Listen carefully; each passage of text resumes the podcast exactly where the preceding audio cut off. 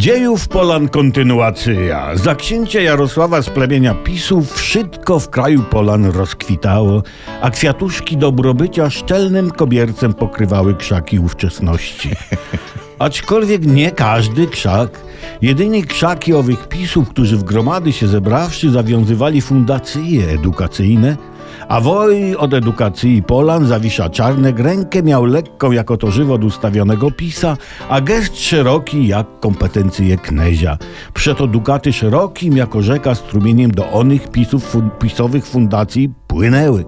A inne fundacje to i nawet nie prosiły, bo wiedziały, że jak rękę wyciągną, to im na nią co najwyżej woj zawisza narobi i to jak szczęście mieć będą, bo i w dupinium kopnąć mógł. A oni owi z fundacji babrać się w edukacji nie zamiarowali, bo umęczeni byli wyciąganiem rok po dukaty, a dostawszy je odpocząć się im przynależało. A odpocząwszy te dukaty miast na edukację, a to na chaty dostatnie, a to na zagony pod chaty nabywali kupując, które po pięciu leciech mogli sprzedać korzystnie na tym niepomiernie zarabiając. Przeto działanie owo nazwano chata plus.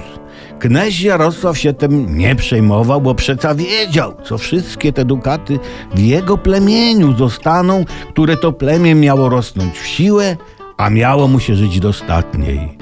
Ech, miło o takich szczerych wojach i jej czynach prawić.